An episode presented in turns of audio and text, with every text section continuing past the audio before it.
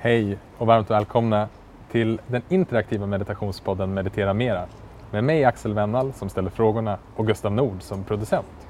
Vi är nu tillbaka med nya avsnitt där vi kommer fortsätta att utforska meditation och hur det kan hjälpa oss i olika delar av livet, men framför allt för att leva mer närvarande liv. Vi startade den här podcasten för att få fler att upptäcka meditation och därför känns det så enormt kul att podden växer hela tiden.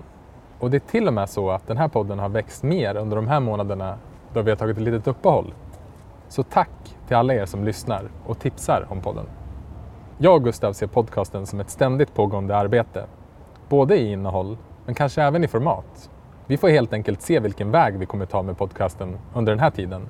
Men vad vi vet är att vi kommer att fortsätta utforska meditation tillsammans med våra gäster och försöka att förklara det på ett sådant enkelt och lättillgängligt sätt som möjligt. Om du är nyfiken på våra nya avsnitt och vilka gäster vi har inplanerade så följ oss gärna på Instagram där vi heter Brilliant Travels. Men låt oss nu börja på en ny resa tillsammans. Vi är äntligen på väg igen för att träffa en ny gäst. Och den här gången ska vi träffa Norrgavels grundare Nirvan Richter för att prata om meditation och design.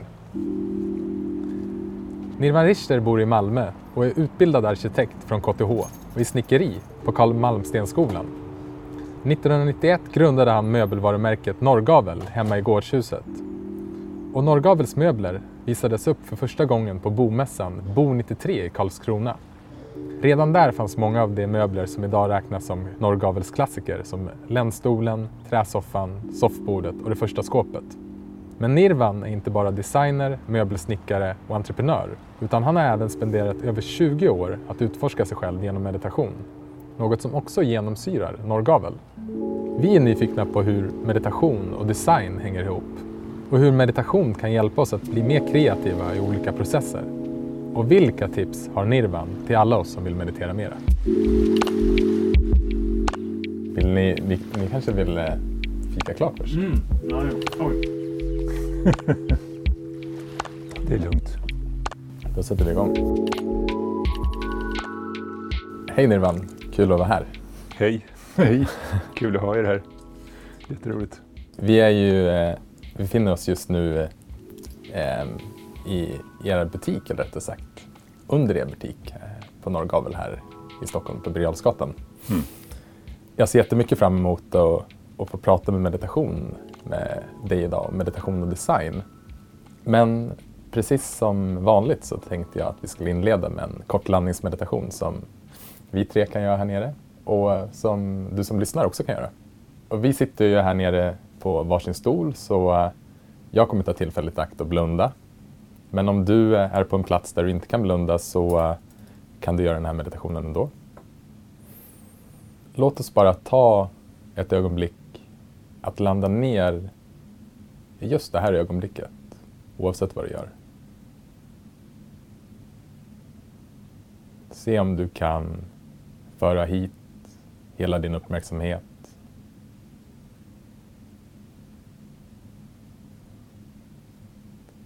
Som du är ute och går. Var närvarande i din kropp. Känn dina fötters kontakt mot marken. Om du sitter någonstans så känn din tyngd där du sitter. Bara få kontakt med det här ögonblicket genom din kropp.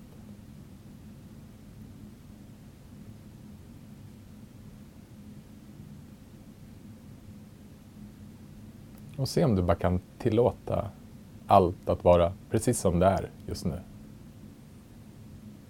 Du behöver inte ta reda på varför det är på ett visst sätt eller vad du ska göra åt det, utan se om du bara kan tillåta allt att vara precis som det är just nu.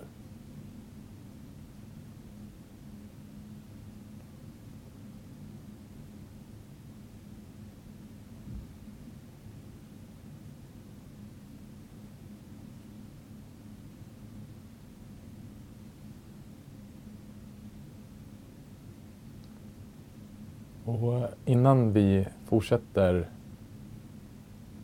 vår diskussion med Nirvan här så skulle jag bara vilja bjuda in dig som lyssnar och Gustav och Nirvan här i rummet att bara känna efter vad du är tacksam för just nu.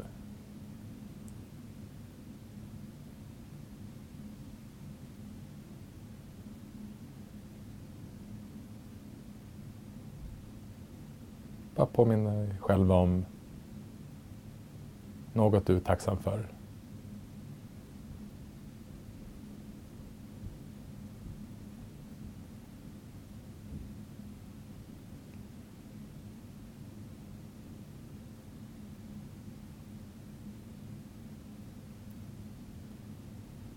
Så, det var en kort landningsmeditation med lite tacksamhet i. Hur är läget? Det är bra. det hjälper. Mm. Eh, det är fascinerande att de här, de här små eh, stilla stunderna att stanna upp, att eh, nej, det, det, det hjälper. Mm. Jättebra. Mm. Och äh, inte kanske under en så liten sån stund, utan en lång stilla stund träffades du och jag för första gången, eller rättare sagt den enda gången vi träffats innan idag. Det. Och äh, det här var då på det första Vipassana retreatet som jag satt nere i Ödeshög. Jag för mig att det var i början på december 2017. Mm. Då är det så att om man är en ny deltagare då sitter man längre bak och jag kommer ihåg att jag satt längst bak så jag tror jag såg din ryggtavla under tio dagar. Så, okay. eh, men det var ju också ett tyst retreat så vi hade ju inte chansen att prata under det här retreatet. Nej. Men däremot så minns jag väldigt starkt och det är någonting som, ja men det är ett av mina starkaste minnen i livet, eh, var när vi åkte därifrån sen. Då blev vi blev man skjutsad med buss, tror jag, till om det var Motala station. Och eh, inne i stationen så hann du och jag prata lite grann och det var även en annan deltagare med som mm som var med i diskussionen varpå den andra deltagaren sa att eh, han tyckte det skulle vara skönt att komma hem och tillbaka till verkligheten. Och då sa du bara tillbaka att nej men det här är verkligheten. Okej. minns du det här? Nej, jag, jag minns att eh, jag minns ditt ansikte nu när vi, när vi träffas, det är, några år sedan det här. Mm. Eh, så det minns jag, men jag kommer inte ihåg vad som utspelade sig. gjorde jag inte, men det är ju väldigt vackert det du berättar. Mm. Jättefint. Mm. Mm, jo, men det är väl typ så det är, tror jag. Mm. Nej, det är ofta så att vi liksom att vi tror för att, att, vi ska uppnå det där som liksom nånt, någonting saknas. Någonting måste vara lite, lite annorlunda och det är ju inte så.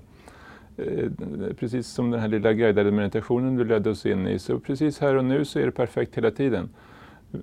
Felet vi gör, det är att vi inte är observanta på att, att vara i nuet, utan mm. vi är hela tiden ändrar i framtiden eller i något projekt eller grämelse över det som har varit. Mm. Och det som vi gjorde i Vipassanan där, det är ju en, en övning i att öva upp den dimensionen av livet, det tillståndet, Eh, då räcker det inte med de här små, eller inte för mig i alla fall, jag tror för de flesta så räcker det inte med de här små, små eh, momentmeditationerna utan när man utsätter sig för en sån här längre retreat eh, så händer det någonting i varat och en del av det är bestående eh, och som gör att man lättare kommer in i de här meditativa eh, tillstånden eh, när som helst. Mm. Och att man kan skifta mellan det vakna tillståndet och det meditativa på ett mer odramatiskt sätt. Och vara mer observant på också. I vissa lägen så är det bara att inse liksom att man är utspejsad, liksom, då får det vara så. Mm. Men det är bra att veta att man är det. Så att man inte fattar för mycket beslut i det, i det tillståndet till exempel. Mm. Det, jag tycker det finns en, en viktig insikt också som har varit en, en drivkraft för mig, att det här är verkligen en färdighet som man hela tiden kan öva upp och det finns liksom en, en utvecklingsprocess i det här och det har jag upplevt att det retreatsen har gett mig är en, en, liksom en djupare förståelse, en djupare insikt och att, eh, som du beskriver, att, att det går att leva sitt liv mer och mer i närvaro. Absolut. Hur, eh, hur började din andliga resa? När kom du i kontakt med det här och varför? Alltså, Nej men det var nog Norrgavel trots allt. Ja. alltså mitt liv har alltid varit bra. Och jag har, jag har i, i, stort sett när jag bestämt mig för någonting så har jag, liksom, jag har uppnått det som jag har velat uppnå. Eh, men jag kom till en punkt med Norrgavel också liksom, där jag kände liksom att det, alltså jag, jag, jag, orkade, jag hade ingen lust att kämpa längre. Mm. Jag kände liksom, nej men livet det måste kunna gå enklare än så här, eh, tror jag. Och sen då, då kände jag också liksom att problemet sitter knappast utanför mig själv utan det är någonting som i mitt förhållande till mig själv som gör att jag upplever verkligheten på det sättet. Mm. Och då blir jag nyfiken på, är det någonting i mitt varande och som, som jag inte är medveten om som jag kan liksom lasta av mig och slippa gå och bära omkring i livet. Så jag började i terapi. Um, också mycket norrgavel och eh, det är företagande och många sätter ja, det har att göra med din verklighetsbild också som du beskriver. Många sätter en motsättning mellan entreprenörskap eller eh, näringsliv, jobbet och eh, djupet och eh, närvaron och alltihopa. Det, och det är ju jättedåligt, mm. jättedumt. Mm. Jag har verkligen använt mitt entreprenörskap och mitt, eh, min affärsverksamhet till att möta både rädslor och eh, alltså bli mer närvarande helt enkelt. Så det, det, har aldrig varit någon, någon som helst motsättning mellan det där. Sen naturligtvis, ibland så är det för mycket att göra. Eh, och då gäller det liksom att de perioderna ska, får inte sträcka ut sig för lång tid för då får man ändra på några spelregler i sitt liv. Ja. Men det som hände med Norrgavel, det var att jag satt ofta i sådana här situationer med, med journalister då, med intervjuer. Och sen hade de med sig en fotograf och sen efteråt skulle de ta en bild. Och då säger fotografen, och det här, det här var inte en gång utan det, det upprepade sig, så, kan vi få ett litet leende? Och jag kände liksom att jag hade så svårt att eh, prestera, att eh, naturligt bara vara glad och... utan jag, jag bara omkring på någon tyngd som jag inte kunde sätta fingret på. För i, i, mitt, i mitt fysiska liv så var allting perfekt. Alltså jag hade lyckats jättebra, jag hade fyra underbara barn, jag hade ett förhållande som jag trivdes med. Eh, så det var inga sådana där eh, yttre saker. Men jag var nyfiken på det där. Vad är det som gör att jag att jag upplever livet på det här sättet. Mm. Så det, det ville jag ta reda på, så då började jag i terapi. Och sen eh, gick jag väl enskilt och sen gick, gick, kom jag till Mullinstorp eh, som var en fantastisk eh, kursverksamhet där, man, där det handlade om att möta sig själv i olika steg. Och oerhört dramatiskt. Passar inte alla men för mig så var det ett, ett eh, ungefär som att gå på ett, vad kallas det, såna Gröna Lund, sådana nöjesetablissemang. Liksom man får mm -hmm. prova och, och, och, möta massa olika rädslor och alltihopa i, i, i, sin, i sitt liv och det var helt underbart. Och där satt jag på en bänk en gång i ett, i ett enskilt samtal mellan terapeuterna. Och så frågade han, men varför är du här? Och då sa jag, jo men jag vill bli av med min sorg. Okej, okay, sa han och tittade liksom så här, är det något mer du vill bli av med? Eh, vill du bli av med glädjen också eller? Mm. och han sa, och det, var, det, här, det här känns ju banalt alltså, men ett människoliv är banalt på många mm. sätt och vi gör dumma saker. Han sa förstås att eh, sorgen är ingenting du kan bli av med. Sorgen är en del av livet och den är varken bra eller dålig. Det finns ingen anledning att välja bort den eller välja till den men eh, problemet för dig är förmodligen att du inte vill eh, känna din sorg och då blir den ett problem. Och då ligger den kvar i, i det jag kallade ryggsäcken. Då, då. Mm. Och när jag hörde det, jag litar, på, litar ofta på människor. Eh, jag, jag, känner in om jag, kan, om jag känner mig trygg med dem. Om jag känner mig trygg, då, då gör jag som de säger. Så han sa, men släpp fram sorgen när den kommer eh, och var inte orolig för den. Så det gjorde jag med olika tekniker. Inget dramatiskt, men jag gjorde det. Och till min förvåning jag, jag, hade också trott att om jag skulle öppna på sorgen så skulle den aldrig ta slut. Ungefär som ilskan, det var också en sån där eh, grej som jag hade. Jag trodde liksom om jag skulle gå in i min ilska, skulle, det, det, jag skulle, det, nej, det, det finns ingen...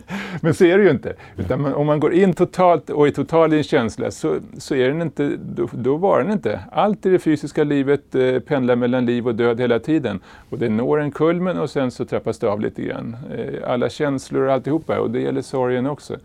Så när jag gick in eh, all in i sorgen sorgen så var den bara totalt överväldigande från början.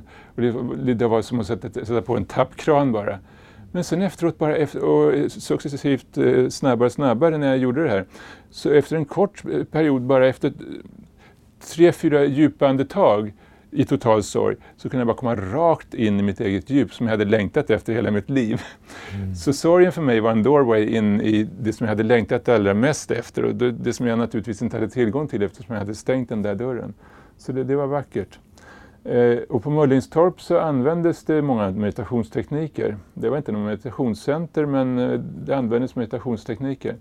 Så när jag hade gått, gått en, tre kurser på Möllinstorp eh, i olika stadier så, där, så sökte jag till eh, RISK i Danmark, en ett, ett och ett halvt årig terapeututbildning, egentligen meditationsutbildning. Och där vi jobbade med meditation hela tiden i kombination med terapi. Det var helt underbart. Mm. Så där fördjupade jag mitt förhållande. Och sen, sen fortsatte jag eh, i Indien med långa retreater och mycket vid passerna för 20 år sedan. Och sen jag träffade dig så var det första gången efter ett uppehåll på tio år där mm. jag tog tag i Vipassana igen. Mm. Vipassana är ganska sträng jag, alltså jag skulle säga manlig, fast det, i de här könsmaktsordningstiderna kanske man inte får säga det. Men den manliga sidan i oss, oavsett vi är män eller kvinnor, tilltalas väldigt mycket av det här strikta och rigida. Medan eh, jag har gjort jättemycket mer feminint inriktade meditationer också, som är mer rörelseinriktade, dansinriktade, eh, mer joyful. Mm. Så jag kan känna att den där, jag kände att jag fick för mycket av Vipassana under en period, men sen längtade jag tillbaka till det och sen kändes det bra att börja med det igen. Mm. Hur mediterar du idag? Alltså sen du och jag var där så har jag varit där två gånger till okay. eh, och gjort uppföljningskurser. Eh, och alltså jag har ju sen 20 år ungefär mediterat varje morgon och gjort yoga också. Mm. Och gjort yoga, inte en, alltså både för att behålla rörligheten i kroppen Eh, men också för att ramla in i meditativa tillstånd eh, och också ge mig själv en fristad, eh, disciplinerat. Och samtidigt så... Nej men det är också viktigt för mig. I början, och det kanske, i början kanske det var nödvändigt och då var jag väldigt disciplinerad så där liksom verkligen forcerade in det. Men jag kände också att meditation är ju inte att forcera in saker i sitt dagsschema utan det ska komma det ska vara en gåva till en själv. Mm. Så nu är jag mindre mm, strikt. Eh, nu när jag är uppe i Stockholm till exempel, det, det är svårt att, alltså jag forcerar inte in meditationen utan den kommer när den kommer. Ja. Och sen är det ju också det, man kan meditera av olika skäl. Initialt så gör man det mycket för att alltså helt enkelt må bra. Både mentalt och fysiskt och bli mer alert, eh, mer vaken, inte så trött, eh, inte så stressad. Det är, det är en det är en bra anledning. En annan anledning på en djupare dimension är liksom att undersöka vad som finns när man skalar bort allt det oväsentliga som är din guidning. Eh, om man skalar bort allt oväsentligt, allt det fysiska, vad finns kvar? Och det, meditation handlar ju om att, eh, som Buddha som sitter under sitt träd i sju eller nio år eller vad det är för någonting, att lista ut vem man är. Vad är, vad är jag för någonting bortanför allt det här? Vad går livet ut på? Eh, så det är nästa dimension. Att eh, bli den man verkligen har potential att vara mm. redan här i jordelivet. Och den tredje dimensionen Eh, som kommer med åren, det är liksom att leva meditationen. Att inte ha de här sittningarna, de är alldeles utmärkta och jag fortsätter med dem. Men det, det som känns angeläget är liksom att göra själva livet till en meditation. Att ha med sig den här närvaron hela tiden i vad man än företar sig. Och det är det som är friheten. Jag, enk, jag längtar efter ett, nej jag längtar inte längre för jag känner att jag har det nästan, ett enkelt eh, liv eh, i närvaro. Det är väldigt, väldigt skönt. Och då eh, utan meditation hade inte, eh, jag vet inte om det går, jag hade inte klarat det i alla fall. Alltså meditation är ju bara ett ord och risken med ord är liksom att, att vi har fyllt dem med så olika saker. Meditation är ingenting man gör, meditation är ett sinnestillstånd. Eh, ett sätt att förhålla sig till, till verkligheten. Ett, ett verklighetstillstånd. Och ju mer, en, ju mer man får in det i sitt liv, desto större effekt har det. Mm. Det paradoxala, eller det är inte paradoxalt egentligen, det jag tror helt enkelt att det är så det fungerar. Om man inte har mediterat förut och går på en retreat så kan man ganska snabbt hamna i meditativa tillstånd eh, som är ganska kortvariga och så kommer man tillbaka till sitt vanliga jag. Men man kan få en, en smakbit på, på ett djupare meditationstillstånd ganska snabbt. Problemet sen för många är att man, det är så jäkla skönt så man vill ju tillbaka dit. Ja. Och det går ju liksom inte. Man kan liksom inte bestämma sig för nu ska jag tillbaka dit, för då går det åtminstone inte. Utan det handlar hela tiden om att slappna av och slappna av och slappna av. Och eh, ge upp, eh, släppa kontrollen.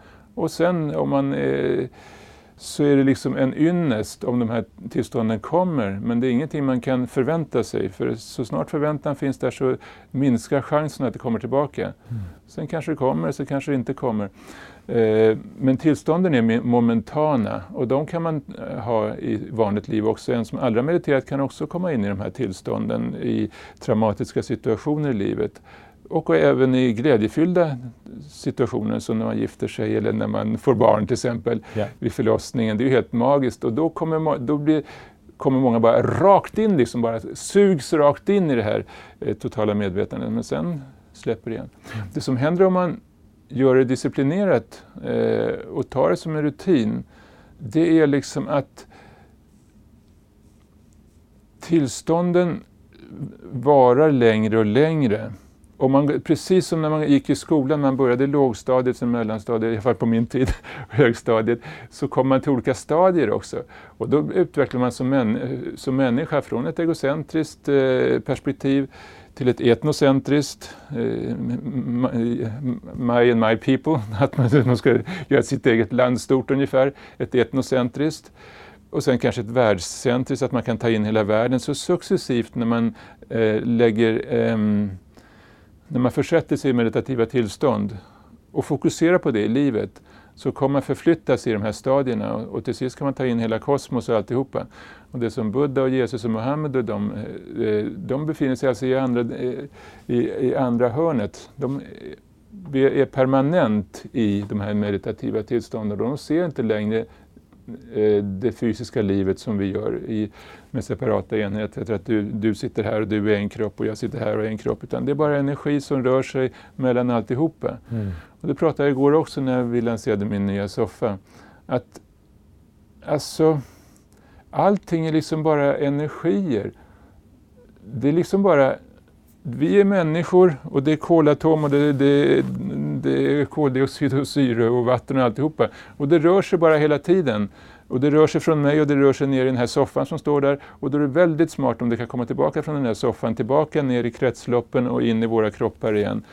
Och att allting hela tiden förändras du, nu har vi suttit här kanske tio, jag har inte koll på tiden, om det är tio minuter. Vi är inte samma människor nu som när vi kom in i rummet. Våra celler har bytts ut. Det är tusentals celler som har bytts i våra kroppar. Mm.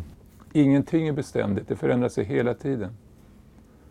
Det jag tänker på när jag hör det här, när du berättar är, ja men lika många människor som finns som mediterar, lika många syften finns det. Men det, det är precis det du beskriver att det är lätt hänt att man kan uppleva sådana, att meditationen kan vara en tillflykt. Eh, jag hörde någon liknelse för om att, att meditera, det är som att vara i vatten. Och det finns hela spektrat från att, att man tappar upp ett bad och, och liksom ligger och njuter i badet i tio minuter till att man blir fridykare och liksom kan simma ner 100 meter eller vara under vattnet i fem minuter och liksom bli ett med vattnet. Mm. Men det som har varit intressant för mig är ju även om jag kan ha en förväntan ibland och en längtan till att komma till de här tillstånden av absolut stillhet, klarhet, kärlek och lycka som man kan uppleva i dem så, så är ju precis som du beskriver så är ju alla de tillstånden men de, de kommer och går. Och det, det, blir liksom så tydligt när man börjar se det att så här, ja, men nu, nu känns livet jättelätt och fantastiskt och nu är jag i ett tillstånd som är fantastiskt. Och så kommer en annan dag och du bara, ah, idag har det uppförsbacke. Men, men att istället försöka se meditationen som ett sätt att hur kan jag förändra mina egenskaper? Alltså hur kan jag vara mer närvarande? Hur kan jag vara mer medkännande? Hur kan jag vara mer snäll mot mig själv och alla andra? Och äh, där i har, har jag sett att meditationen hjälper mig och då såklart, men då finns det inte heller något, någon separation mellan det, det jag liksom har min formella meditation som jag oftast gör på morgonen och i livet. För om det är de eh, egenskaperna som på något sätt bygger allting så, eller det är det som någon, ty någon typ av mål, att utvecklas som människa, att kunna vara ja, men liksom, den bästa människan som finns. Och det jag upp, upptäcker hela tiden är att när jag är snäll mot mig själv, när jag är kärleksfull mot mig själv och när jag är närvarande så mår jag bara mycket bättre. Då är jag i de tillstånd som jag vill vara i. Um, det fanns så många saker att plocka upp, men du nämnde ju här att ni igår hade lanserat en ny soffa. Mm. 1991 så grundade du, grundade du Norrgavel. Okej. Okay. Men, och, och sen då ungefär, hur, hur, hur, lång tid senare tog det innan, innan du började meditera och då började i terapi? Jag tror det var 93, 94 kanske. Okej, okay, så ganska, ganska snart omgående? Jo, men för det blir för jobbigt alltså. Det blir för mycket. Mm. Eh, jag, jag, behövde hantera jag behövde hantera sakerna. Mm. och, nej, jag kände också att jag hade ett högre syfte då, för jag tycker att det kändes lite förmätet för mig att liksom uppta terapeuters tid. För alltså jag mådde liksom inte dåligt och jag hade inte, jag hade inte några stor, jättestora trauman. Alla människor har trauman, men inte sådär. Jag tyckte det fanns de som behövde det mycket mer. Men jag kände för att utveckla företaget också så kände jag liksom att nej, men jag, kan inte, jag, jag måste ju liksom, jag har att göra med människor. Jag behöver ju, ja så var det. Så mm. då, det, det, var en drivkraft. Jättebra. Mm. Om man bara ser liksom själva skapandeprocessen, i designprocessen. Mm. Du pratade tidigare om att skala av. Hur har meditation och närvaro och stillhet hjälpt dig i den processen? Alltså allt är samma sak. Det var någon som sa det, vi hade pressvisning igår och det kom ett 20-tal journalister, vilket är, en, det är fantastiskt att de gör det. Och någon av dem reflekterade efteråt på Twitter eller vad det var för någonting. Han var förvånad över att jag pratade i en timme. Och det gör man inte på en pressvisning. Man binder inte journalister. De, alltså, de, de kommer in och liksom, de ska nästan ut innan de kommer in. Alltså, mm. De är jättestressade. Jag har verkligen respekt för att de har mycket att göra. Så det är inte så att jag band fast dem. Men de satt kvar och många av dem tackade mig efteråt för att de hade fått den där starten på morgonen, att det kändes bra att gå vidare. Alltså, Norrgavel och möbler och formgivning och design och meditation, allt är samma sak för mig.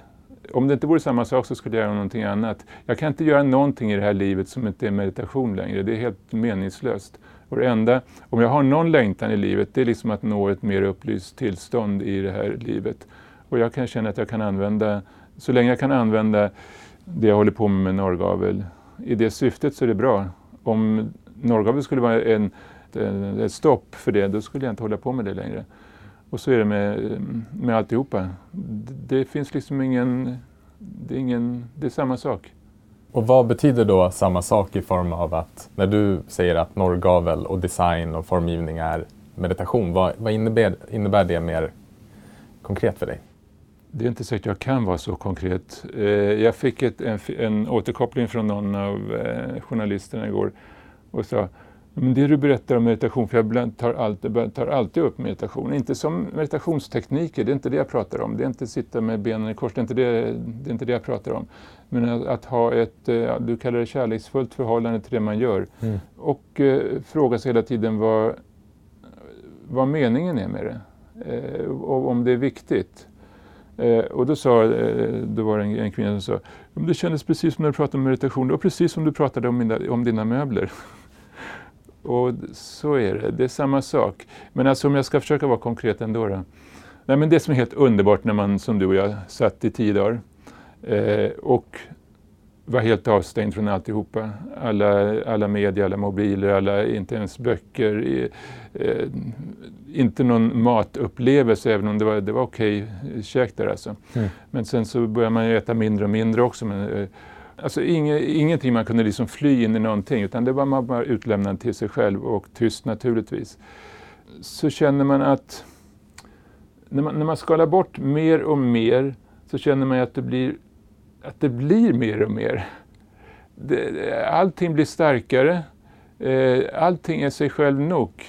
Man behöver liksom inte, det finns ingen anledning att göra någonting för bara gå in i sig själv och ta bort alltihopa som, som stör så är man där man vill vara. Och det finns ingen anledning att göra något annat. Mm. Eh, och, då så, och den tekniken har jag med, med eh, möblerna, designen också. Många skulle kanske kunna känna, jag ritar fortfarande alla möblerna, Och det är hundratals människor som är beroende av att, det jag gör. Eh, så man skulle kunna känna stress och prestationsångest av det. Men det gör jag inte. Utan jag känner ju en, en eh, glädje och jag är observant på när det inte är glädje, då blir det inget bra. Mm. Precis som du sa. Eh, då, då, är det lika bra att, att, släppa och göra någonting annat ett tag och sen, om man, eh, du kallar det att vara snäll mot dig själv, mm. yes. Och sen till det kommer tillbaka. Och då, när jag säger så här, och du bad mig att vara konkret, det, det är inte så lätt. Alltså, jag har varit ute på skolor också, på forms och designskolor och undervisat också, eller försökte förmedla hur man kan använda meditation i sitt skapande. Och så var det en kille som hade lyssnat på det och var helt eh, tagen av det och så sökte han praktik hos oss. Och sen efter tre dagar så, alltså vi pratade kontinuerligt sådär, men efter tre dagar så kom han och, och kom in på mitt rum och sa jag kan, jag kan inte vara här längre. Nej, vad tråkigt, så jag. Vad, vad är det som händer? Nej men, nej, men det är alldeles för mycket, nej men det är för lite meditation. Jaha, hur tänkte du nu? Så eh, nej men alltså, ni gör så mycket hela tiden. Ja, men det här är en arbetsplats. det är inte så att vi sitter och, i meditationsställning, det är inte det vi gör. Men vi gör saker med närvaro. Så han hade en bild av att, att man skulle sitta och inte göra någonting och det är inte det det handlar om. Det handlar om att göra saker med närvaro. Mm. Men också eh, försöka vara konkret med designprocessen där. Jag fick frågan från en eh, annan journalist för många, många år sedan. Om du hade fått välja en möbel som du kunde ha fått designat, vilken skulle det vara då? Och det som är spännande när jag går in i de där samtalen med journalister, jag, vet, jag är aldrig förberedd, alltså mer än eh, utvilad och naturligtvis eh, prepared på det sättet, men jag, jag, har inte förberett mig vad jag ska säga utan jag är helt öppen. Och det, det är helt det är gudomligt och det är ganska, i, i, ibland läskigt fast som regel är det jättebra. Ehm, och när de, när de ställer frågorna så känner jag också liksom att inte gå upp i huvudet utan att bara vara kvar och bara känna efter vad som kommer. Spontant så sa jag, jag skulle ja, då skulle jag vilja eh, göra den där länstolen. Och hon blev helt, hon tappade konceptet. Länstolen är en av de produkter som förknippas starkast med norrgavel och min formgivning. Då. Och sa, men du har ju gjort den. Ja, det är sant, men det var den som kom spontant. Jo, men det är nog så här. När den skapades så var jag inte där. Och det är det som är själva nyckeln till alltihopa. Mm. Um, att släppa sitt ego, släppa eh, sin kontakt med eh, intellektet. Och när man är, går in i de skapande processerna så är man inte där. Och då är det ingen skillnad på om man, om man skapar en länstol eller om man krattar en kyrkogård eller om man sitter i vipassana-ställning. Det som är bra med vipassana-ställningen är att man kan öva upp den förmågan. Och precis som jag sa tidigare, gör man det kontinuerligt eh, dag efter dag, år efter år, så händer det någonting i själva varandet. Det sker en transformation i själva varandet i, som är bestående eh, och oerhört befriande. Att livet äntligen blir enkelt. Mm. Jag är ingen eh, möbeldesigner men livet kräver ju sina kreativa handlingar hela tiden oavsett vad det är, precis som du beskriver. Och det jag liksom känner igen när du beskriver det här, eller så, så i alla fall som det är för mig, är att jag mer och mer inser att jag kan inte forcera mina kreativa processer utan att de kommer till mig. Och när de kommer så, så finns det någon typ av avsaknad av, eh, hur ska man säga det här så att det låter ja, men, hyfsat förståeligt, men det känns som en gåva. Kan man se det som så? Är det någonting du känner igen? Absolut, det är en gåva. Det är en gåva. Det är någonting som den, sann kreativitet, den finns i alla människor och den, den uttrycker sig på olika sätt i olika människor. Vi har olika, olika läggning för olika saker. Att komma, komma åt kreativiteten, det gör man genom att skala av alla oväsentligheter, som i meditation. Man måste göra ett jobb, känner jag. Eh, det är många kreativa människor, författare och teaterfolk och alltihopa som säger det. Man måste göra ett jobb först, man måste tillgodogöra sig en, en, form av, om det handlar om kunskap eller eh, ta vissa kontakter rent fysiskt eh, när man ska in i ett nytt projekt. Mm. Men sen känner jag när man har samlat ihop den där nödvändiga grunden, då kan man gå in och släppa. Och då, då använder jag meditation mer praktiskt, att gå in i meditation Jag vet vad problematiken är, Mm. men jag går inte in och försöker lösa den, för det är inte jag som ska lösa den. För om jag är där så kommer det inte lösa sig. Jag har problematiken klar för mig, men sen försöker jag släppa hela mitt ego, hela min personlighet och alltihopa och bara gå in i ett no mind-tillstånd och vänta på att sakerna kommer. Och då kommer de. Och Och du- jag vet inte när de kommer. Och ibland så tar det längre tid än jag, än jag hade hoppats. Mm. Men de kommer. Och ibland kommer de på ett oväntat sätt.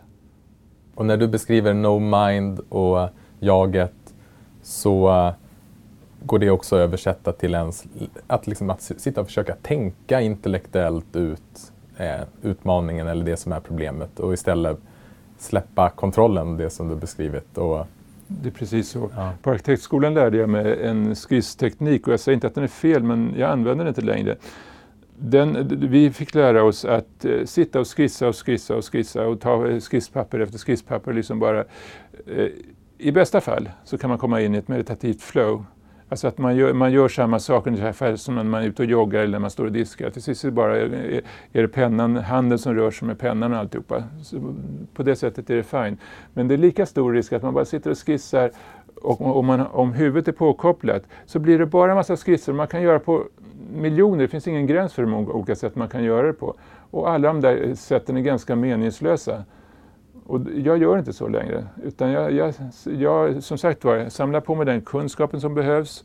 Och den kan man inte slarva med. Det är bara dumt att slarva för då kommer man inte till de bästa lösningarna. Men när jag har gjort det jobbet, det är det som är min uppgift. Sen är det inte min uppgift längre. Sen är det min uppgift att försätta mig i tillstånd där jag kommer i kontakt med kreativa flödet. Och det har inte med mig att göra. Det är någonting som finns i hela existensen hela tiden. Finns det andra former än till exempel meditation där sådana kreativa idéer kan uppstå? Till exempel om du är ute och vandrar eller... Fast det beror på vad du menar med meditation. För det, att vandra är verkligen meditation. Mm. Alltså meditation är ingenting man gör. Meditation är ett tillstånd av no mind, alltså vad säger man på svenska? Alltså, koppla bort intellektet. Mm. Det är det som är meditation. Och det kan man ha med sig i vad som helst. Är det så du lever ditt liv idag? Att du försöker ha, ha den eh, inställningen till allt du gör? Min uppgift när jag stiger upp ur sängen, för på natten kan man ju gå in i en drömvärld och då är också mindet påkopplat. Min uppgift på morgonen när jag ska möta dagen och möta människorna och möta uppgifterna under dagen, det är att försätta mig i, eh, gå ner i meditation. Så jag förankrar mig, jag grundar mig i, den, eh, i mig själv. Det är min uppgift. Sen så släpper jag och sen ser jag vad som händer. Så vi skulle kunna översätta ordet meditation med närvaro eller? Absolut. Ja, ja, ja. Absolut. Och samtidigt så är det bara ord. Ja. Och det som är närvaro för dig och för mig nu, om vi fortsätter meditera både du och jag, Mm. så om fem eller tio år så kommer innehållet i närvaro och meditation ha fördjupats så vi kommer uppleva en ännu djupare dimension av det. Mm. Det är också så, om man nämner ordet meditation och närvaro så många människor blir lite provocerade av det Okej. eh, upplever jag.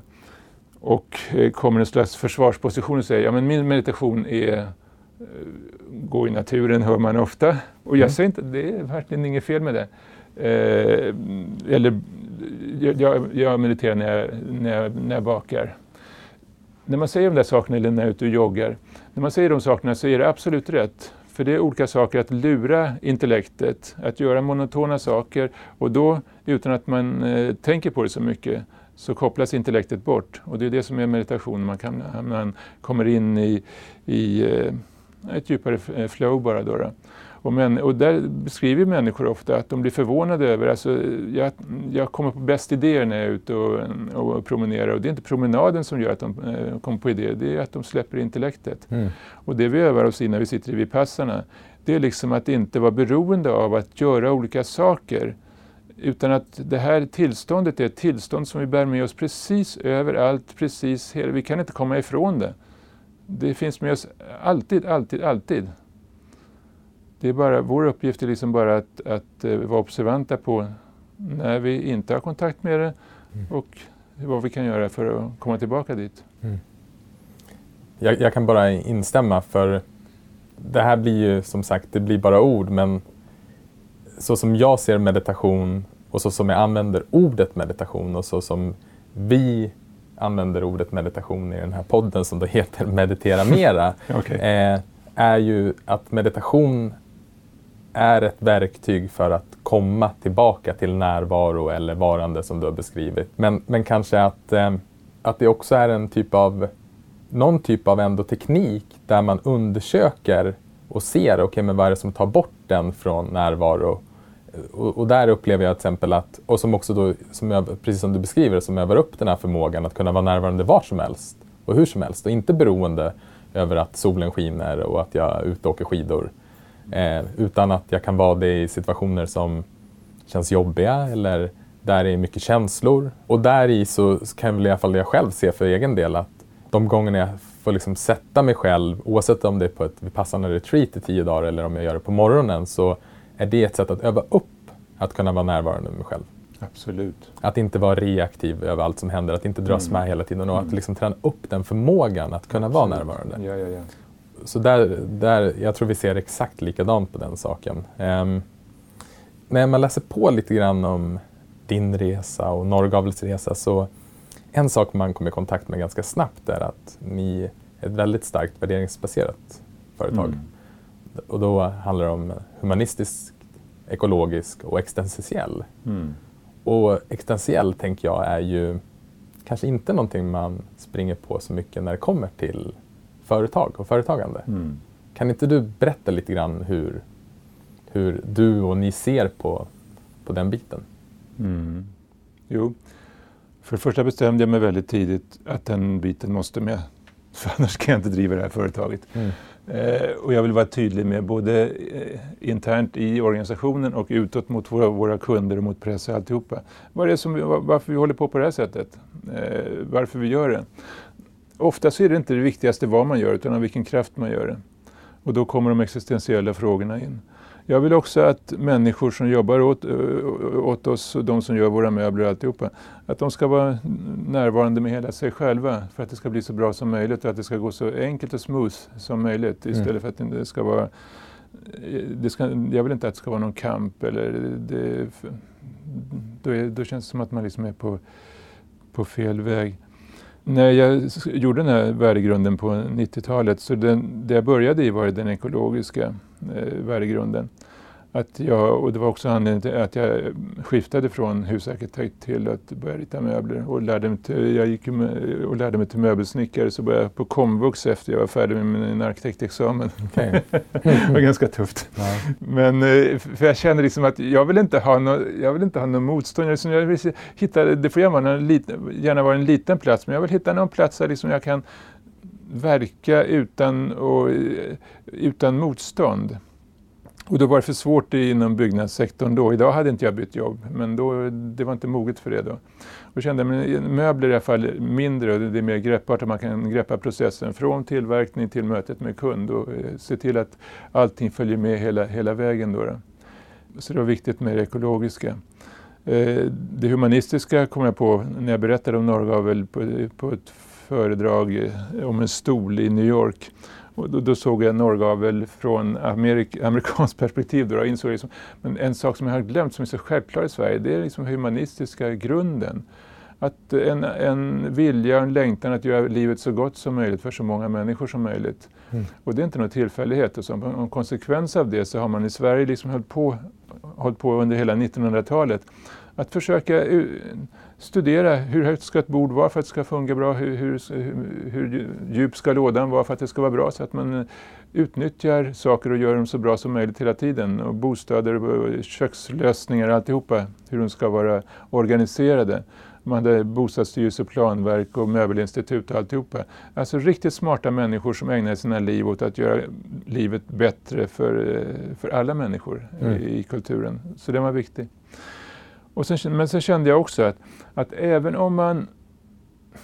De här ekologiska frågorna eh, så kände jag att vi kommer inte lösa dem bara på ett eh, materialistiskt, på ett fysiskt plan. Alltså. För vi har inte insikter och omdöme att, att se vad vi håller på med. Vi, vi, vi separerar oss själva. Vi tror att vi har naturen som en resurs och att vi ska hushålla med den resursen. Och det är ett feltänk. Naturen är ingen resurs. Naturen är vi. Mm. Precis som indianerna sa att eh, floderna är deras, förfäder, är deras förfäders blod. Det är inte romantiskt, det är så det är. Det är så det, det ett kretslopp eh, fungerar. Och om man tror att resurser, eh, naturen är resurser som man kan hantera, så är man fel på det. Och då tänker jag liksom att det där handlar om människans syn på sig själv. Att vi inte förstår att det vi gör mot naturen gör vi mot oss själva. Och så blir vi förvånade efter 40 år att eh, havsfisken innehåller massa mikroplaster och att det hela våra kroppar, att, att mikroplasterna finns i hela näringskedjorna. Ja, det gör de. För vi har, vi har trott att vi kunde slänga dem i naturen, men vi är naturen. Mm. Och det, det, fungerar under en period, men det fungerar inte i längden. Och då känner jag, då fungerar det inte med bara att, att lösa eller diskutera sakerna på ett naturvetenskapligt sätt utan då behöver man komma till eh, livsfrågor. Varför gör vi människor det, de val vi gör? För om man, när man pratar med människor, man behöver inte prata så länge med människor för, för att förstå liksom att det finns inte något eh, Alltså, eh, ondska finns ju hos allihopa men det finns inte en vilja att, att i ett långare perspektivet göra onda handlingar. Ingen människa vill egentligen lämna planeten i sämre skick än, än vi, än vi tog, övertog den. Och ändå så är det så vi gör. Och vad, vad, är det då i vårt sätt att förhålla oss till oss själva som gör att vi försätter oss i den situationen? Mm. Och då kommer jag in på existentiella frågor. Och då känner jag att de måste ju, eller måste, jag tycker inte om ordet måste, vi behöver ta in dem i, i näringsverksamheten för att få någon mening i verksamheten. Mm. Det kan inte vara så att man ska gå på söndagen till någon, till någon högmässa och tro att man ska få till sig det gudomliga på högmässan. Det är inte så det, det, det är oerhört fattigt att se det på det sättet. Utan att försöka inse att allting finns hela tiden. Och då är det väldigt smart att, att eh, koppla, koppla in den existentiella, existentiella biten. Och försöka tydliggöra den också. Och trots att jag är väldigt tydlig med, när jag, när jag pratar om värdegrunden, att de två första bitarna, humanistiskt och ekologiskt, de kan vi verifiera, kvantifiera, vi kan diskutera, vi kan sätta upp tabeller och alltihopa. När vi går in i den tredje dimensionen, existentiella, så per definition så behöver vi lämna intellektet. Det finns ingenting som går att bevisa där, det finns ingenting att kommunicera på det sättet, det finns ingenting vi kan sätta ord på för att förmedla det till en annan människa. Vi kan försöka använda ord, men vi kan inte beskriva det som det verkligen är.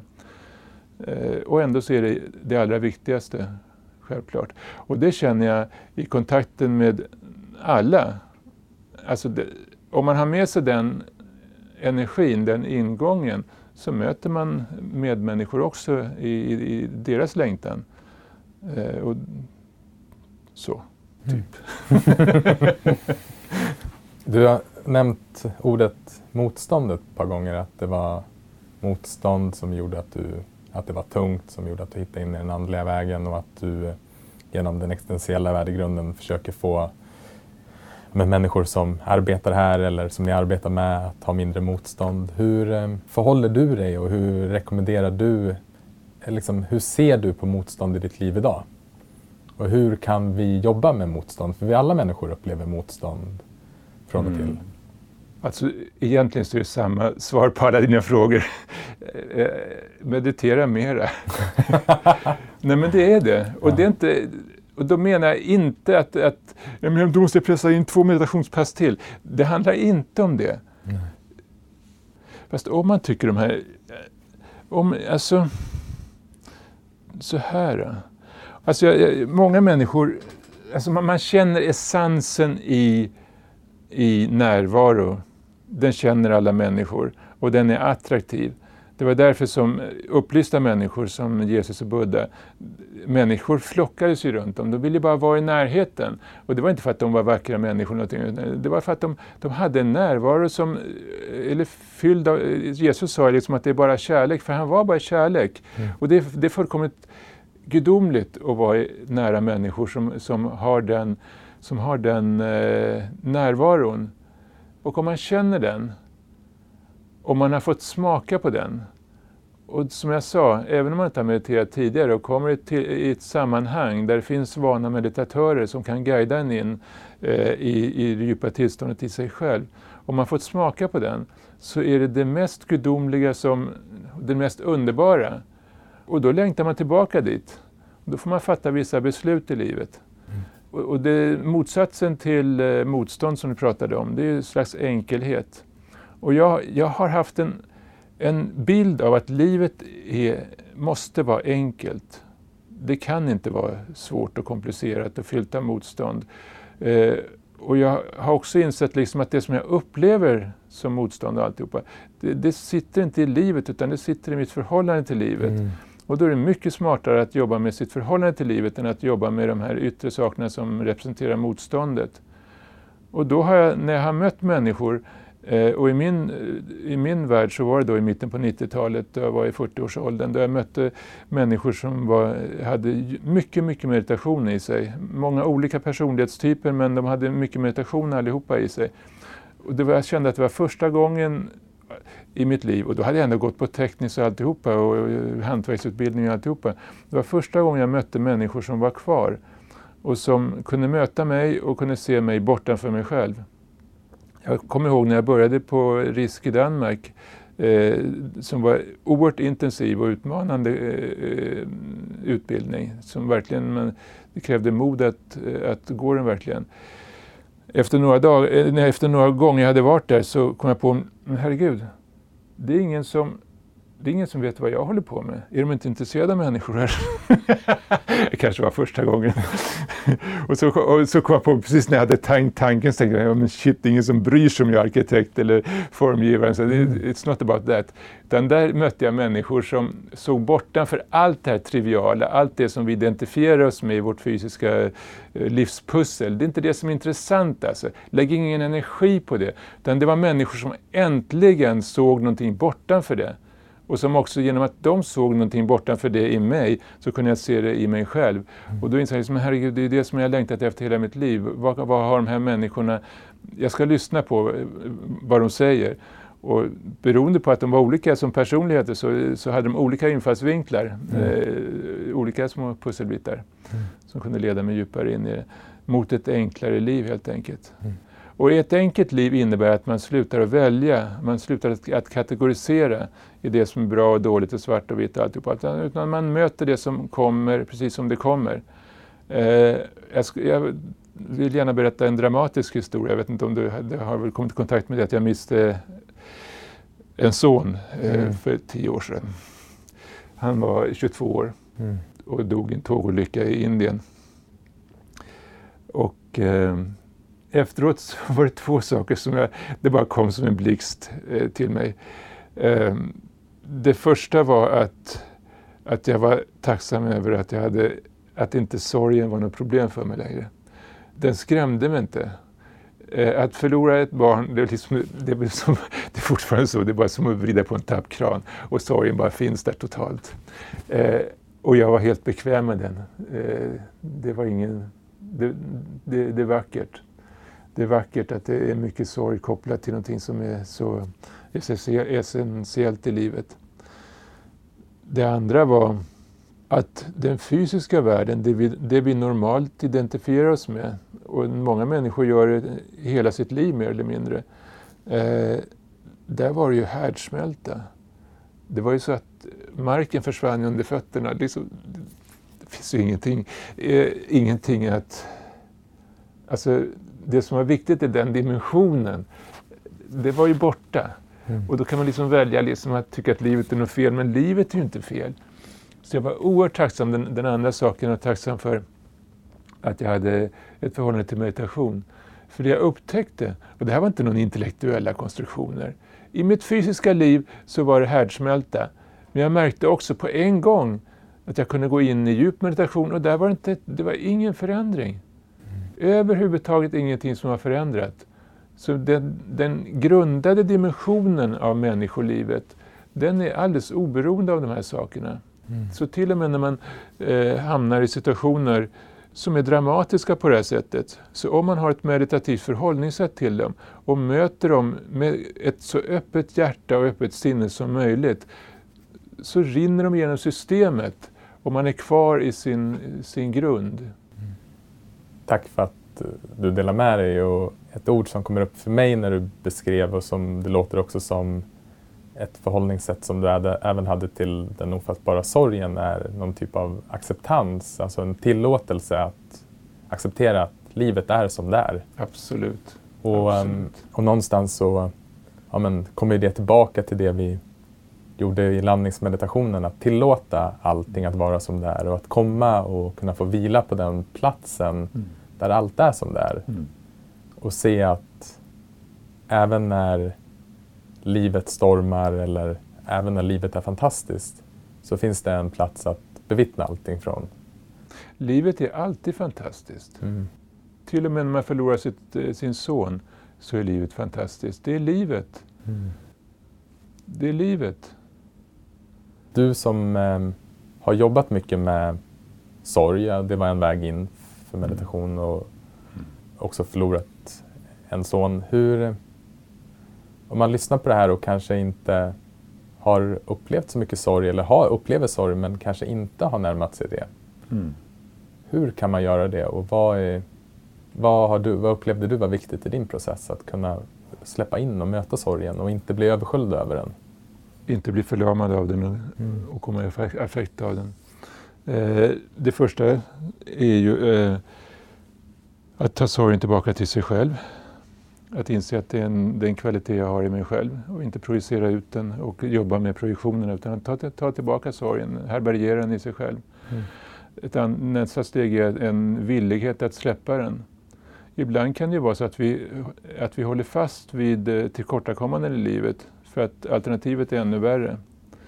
Och om man möter, om man, eh, möter sorgen på nytt i sitt liv, eller så, om man inte har gjort det tidigare, så leder det till andra saker. Man får bättre kontakt med glädjen. Mm. ehm, och glädjen kan vara skrämmande för människor. Det kan vara paradoxalt men så, så kan det verkligen vara. Mm.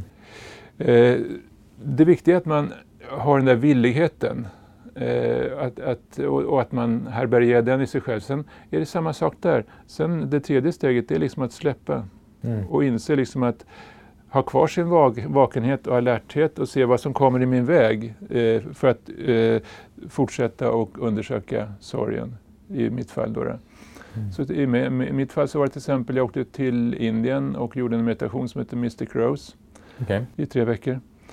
Och första veckan så skrattar man fyra timmar om dagen. Eh, uppmanas att liksom skratta så, så man får ont i magen. Liksom, så att det, liksom bara, ja, det, det, är helt hysteriskt. Och så är man liksom en, ett, ett stort gäng. Och, man, och sen när man kommer i kontakt med skratten på det här sättet så den sitter liksom kvar i hela systemet. Och sen andra veckan så grät man i fyra timmar om dagen. Och det var lika fantastiskt det alltså. Och det var fantastiskt också att gå bortanför eh, de här eh, stämplarna, liksom bra och dåligt och alltihopa. Man inser liksom, när man, man skrattar som man gråter och när man eh, går totalt in i gråtet så kommer skratten. Det, det märker man liksom på begravningar och sånt där, när man absolut inte får skratta, då, kommer, då finns det de som vill skratta. Mm. Och, det där är som, och det är väldigt skönt att släppa på alla föreställningar vi har om, om eh, de här känslorna och inte göra så stort eh, grej av dem. Och tredje veckan satt vi då i meditation, bara var tysta med, med vad som än, än kom. Så um, mm, var det svar på din fråga? Ja men absolut, jag tror också att, att värdera sorg som någonting dåligt. Mm. För när vi gör det så helt plötsligt kommer motståndet mot sorgen. Ja, gör den. Gör den. Um, och se att det är en del av livet och se hur, hur vi kan närma oss. Och där, för mig så har meditation verkligen hjälpt i att, att kunna närma mig de svåra känslorna. Och jag tror en av de insikterna som har hjälpt mig att kunna göra det är just obeständighet, som vi varit inne lite grann inne på. Att, mm. att jag vet att det här är inte den jag är, för det är så lätt att bli helt identifierad mm. med de starka mm. känslorna. Och jag vet också att ge mig hän känslan, oavsett vad känslan är, så skiftar den ja. hela tiden. Um, jag märker också att det är ganska lätt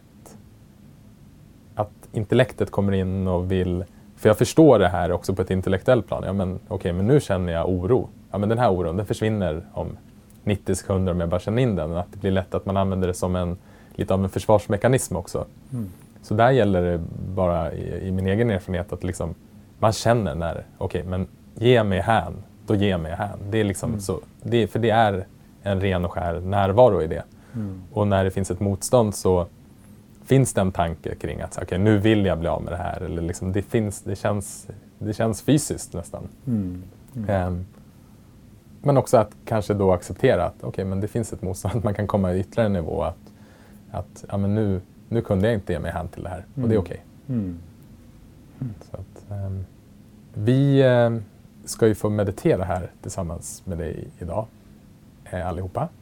Och, eh, men eh, innan det så tänkte jag bara kolla med dig om eh, det här, den, det här samtalet har ju varit massa olika tips för hur man kan meditera. Men har du några tips för de som kanske aldrig tidigare har mediterat, som, som du upplevt under din, din resa?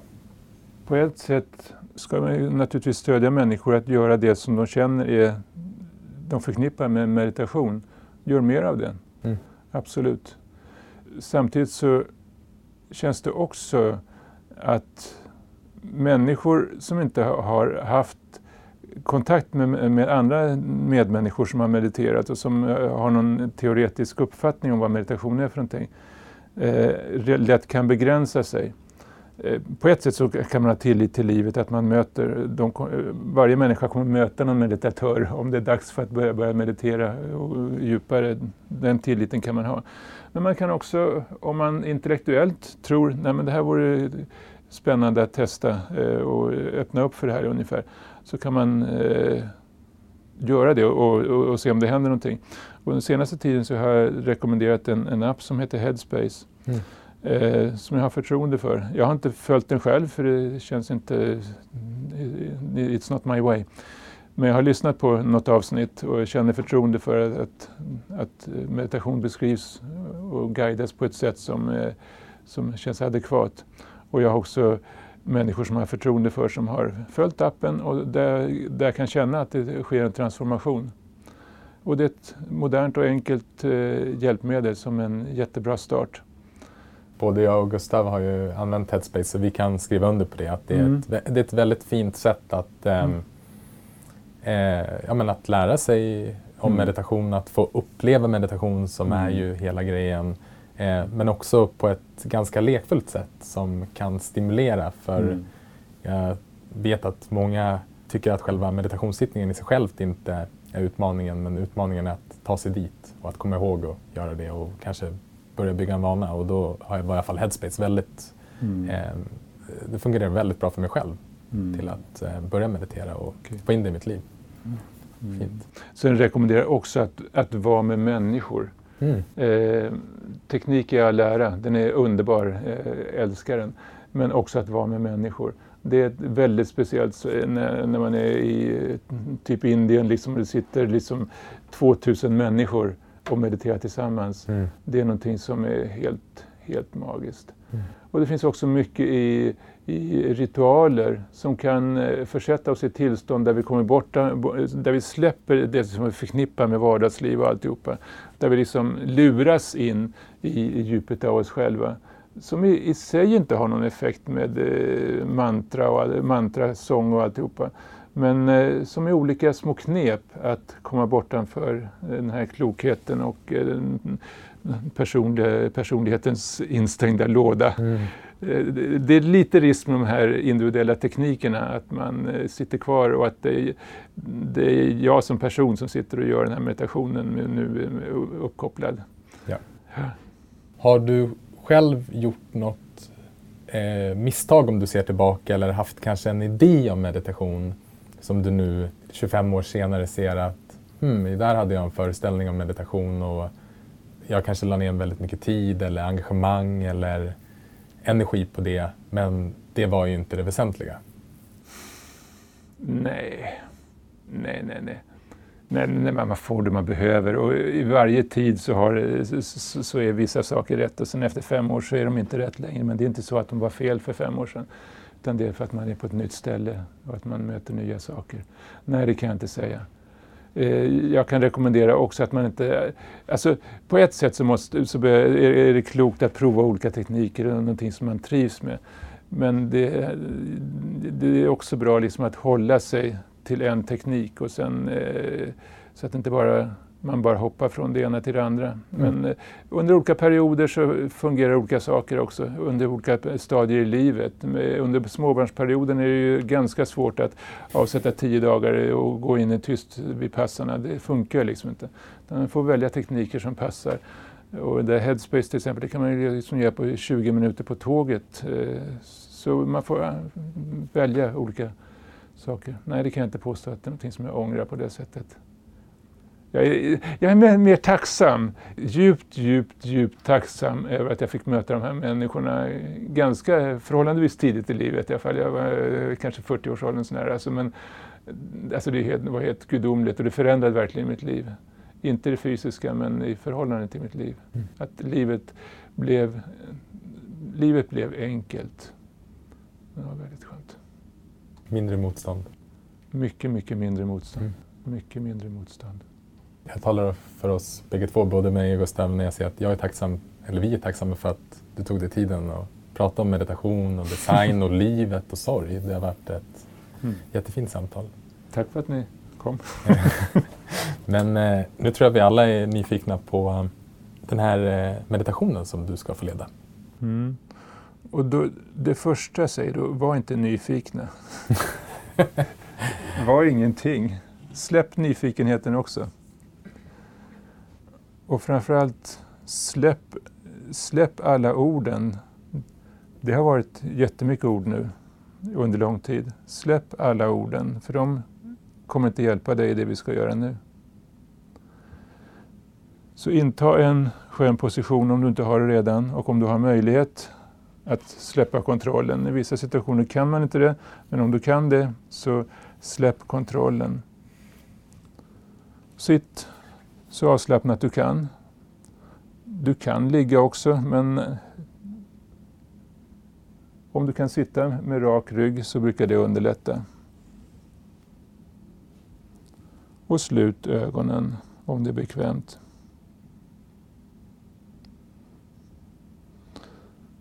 Det som brukar hjälpa mig när jag går in i meditationen det är liksom att jag känner att det är den finaste, mest kärleksfulla gåva jag kan ge mig själv. Och att jag när jag har avsatt, oavsett det är fem minuter eller om det är en timme eller om det är två dagar, oavsett hur lång tid det är, så går jag in i en känsla att under den här begränsade tiden så är det, har jag oändligt med tid.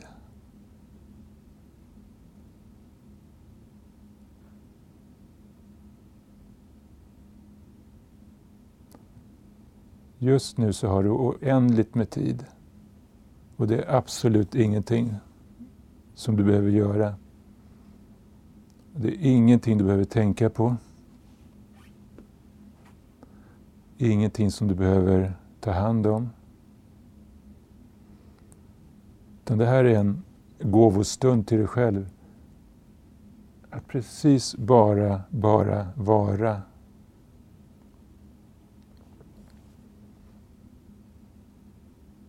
Och vara med det som är precis just nu. Utan att sätta något etikett på det, om det är bra eller dåligt eller... Det bara är. Så var med det som är precis som det är.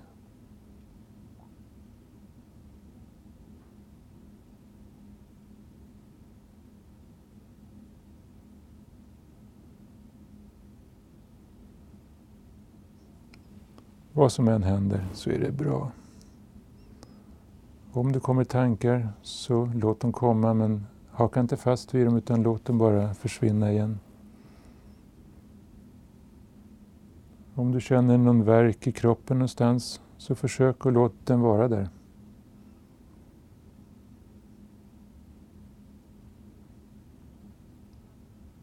Om du känner spänningar någonstans i kroppen så låt dem vara där.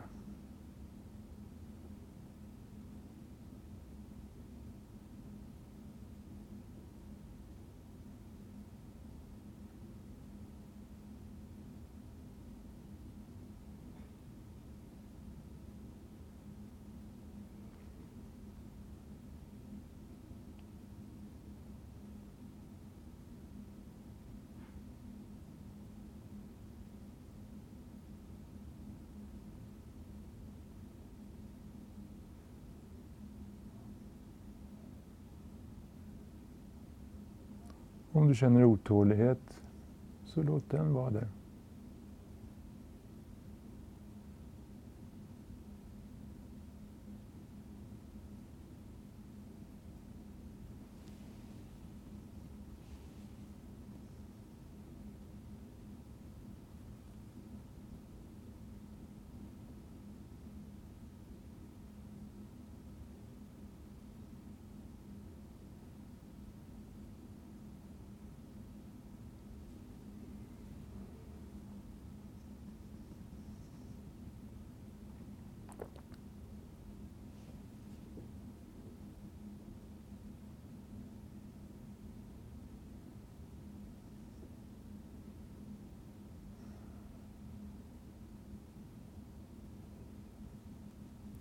Din enda uppgift är att betrakta det som, som händer. Både tankarna, de kommer och du släpper iväg dem.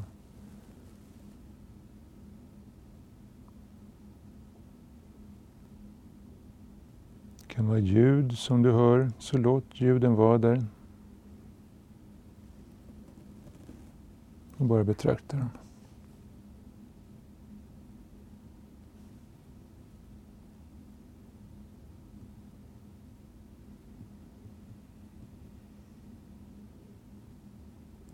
Om du känner att det kliar någonstans på kroppen så kan du testa och låta det klia på kroppen.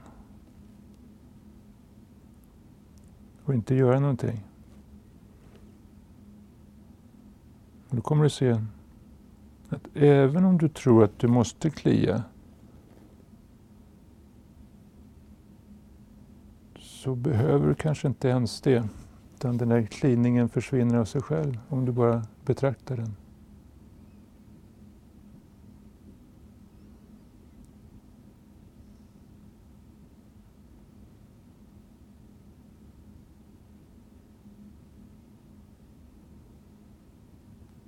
Och gör det på ett kärleksfullt sätt mot dig själv. Så att du inte pressar dig själv för mycket heller.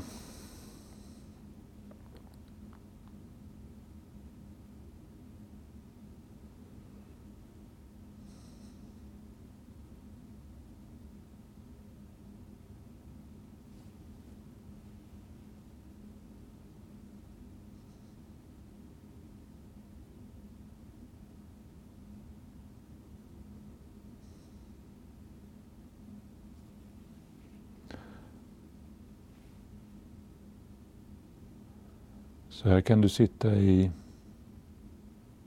två timmar till. Eller du kan sitta som vi gör nu, bara några minuter. Oavsett hur länge du sitter, så innan du kommer tillbaka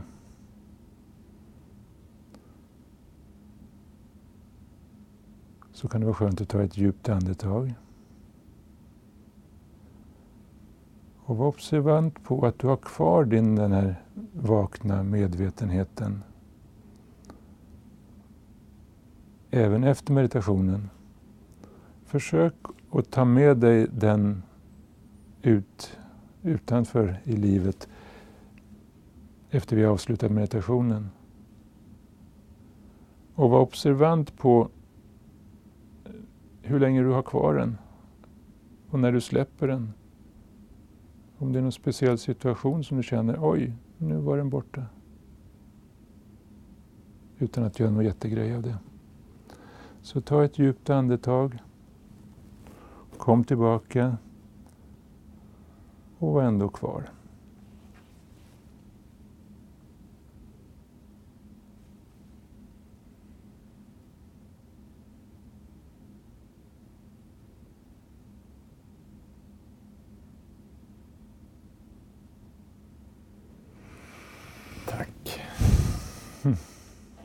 Tack själva.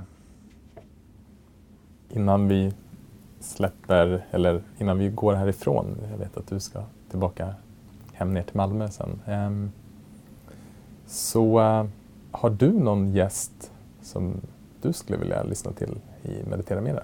Det finns något program på TV, God kväll tror jag det heter. Och där får man bjuda in gäster. Och då tänkte jag om jag fick bjuda in gäster där, då skulle jag bjuda in Jesus, Muhammed och Buddha och bara sitta dels i deras energifält och sen se om det kunde lösa upp några spänningar på vår planet. Eh, spänningar mellan olika trossystem. Om de här upplysta människorna fick eh, dela med sig mellan varandra. Så försök med det nästa gång. ja, vi, vi gör vårt bästa. Ja, Kanske en annan dimension, Ja, en annan bra. tid, en annan planet. Ja, bra. All right. Tack. Tusen tack för idag. Tack själv. Tack för att jag fick träffa dig. Tack. Tack för din meditation. Tack för att du har lyssnat på det här avsnittet av Meditera Mera med Nirvan Richter. Vi hoppas att du har blivit inspirerad av vårt samtal och av Nirvans meditation. Vi som gör den här podden är jag, Axel Wennall och Gustav Nord. Och tillsammans så driver vi Bredin, där vi också arrangerar kombinerade meditations och äventyrsresor. Som vi nämnde i inledningen är vi nyfikna på att experimentera med formatet. Och en idé vi har är att följa en person som precis ska börja meditera för att utforska hur meditation påverkar henne eller honom. Är du intresserad av att börja meditera och skulle vilja vara med? Kontakta då oss på hi.bredin.se. Och samma mejl gäller även om du har tips på gäster. Vi kan också varmt rekommendera vårt meditationscommunity på Facebook som heter just Meditera Mera och som du hittar på vår Facebookgrupp. Här är vi ett gäng som försöker inspirera varandra till att just meditera mera. Och du är varmt välkommen du med. Och är det något vi har tagit med oss från vårt samtal med Nirvan är det att oavsett vad som händer så är världen perfekt.